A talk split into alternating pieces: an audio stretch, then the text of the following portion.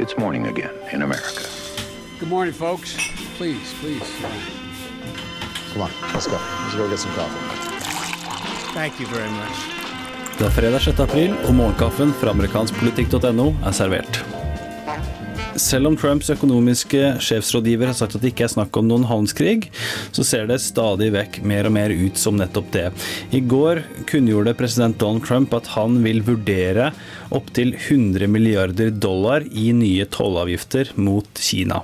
Og Det er da i tillegg til de 50 milliarder dollarene som tidligere er diskutert. Og Det bidrar iallfall ikke til å roe ned situasjonen. Og som Jonathan Swan fra Axios uh, sier det, så er det dette mange av Trumps tidligere rådgivere fryktet. Uh, og han omtaler det nå som Trump i, som han skriver, macho pissing match mot Kinas president Xi. Så får vi se hvordan dette utvikler seg videre. I går var iallfall Donald Trump i West Virginia for å snakke om økonomi og den nye skattepakken, som mange republikanere ser som en god ting å snakke om foran årets mellomvalg. Men Trump likte ikke det forhåndskrevne manuset som vi skal høre her. And I think with that, I'll start. You know, this was going to be my remarks. It would have taken about two minutes, but that would have been a little boring. A little boring.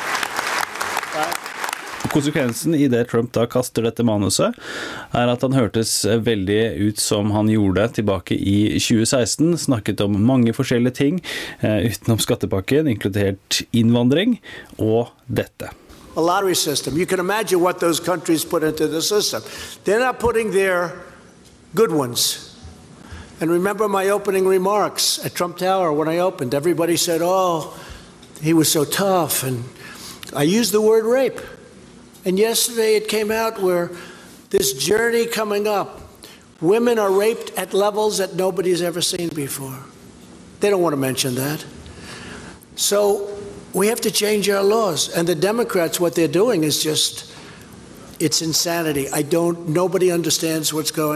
Utrolig, men sant, så kan jo dette kalles klassisk Trump. Uttalelser om voldtekt og innvandrere fra sør var jo noe av det første han snakket om i sin kunngjøringstale fra Trump Tower sommeren 2015. Etter at han var i West Virginia, der han egentlig skulle snakke om skattepakken, så tok han Air Force One tilbake sammen med pressen. Han gikk da tilbake og svarte på noen spørsmål, bl.a. om Stormy Daniels, som vi så vidt skal høre her.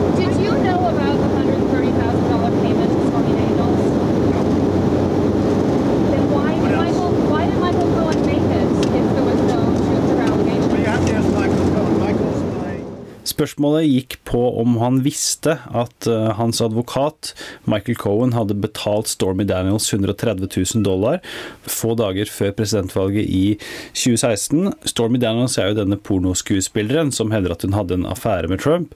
Hun har vært og snakka om det på 60 Minutes, men Trump har foreløpig ikke uttalt seg inntil nå, der han altså benekter at han visste noe som helst om dette, og ber pressen om å snakke med Michael Cohen dersom de har noen flere spørsmål om saken.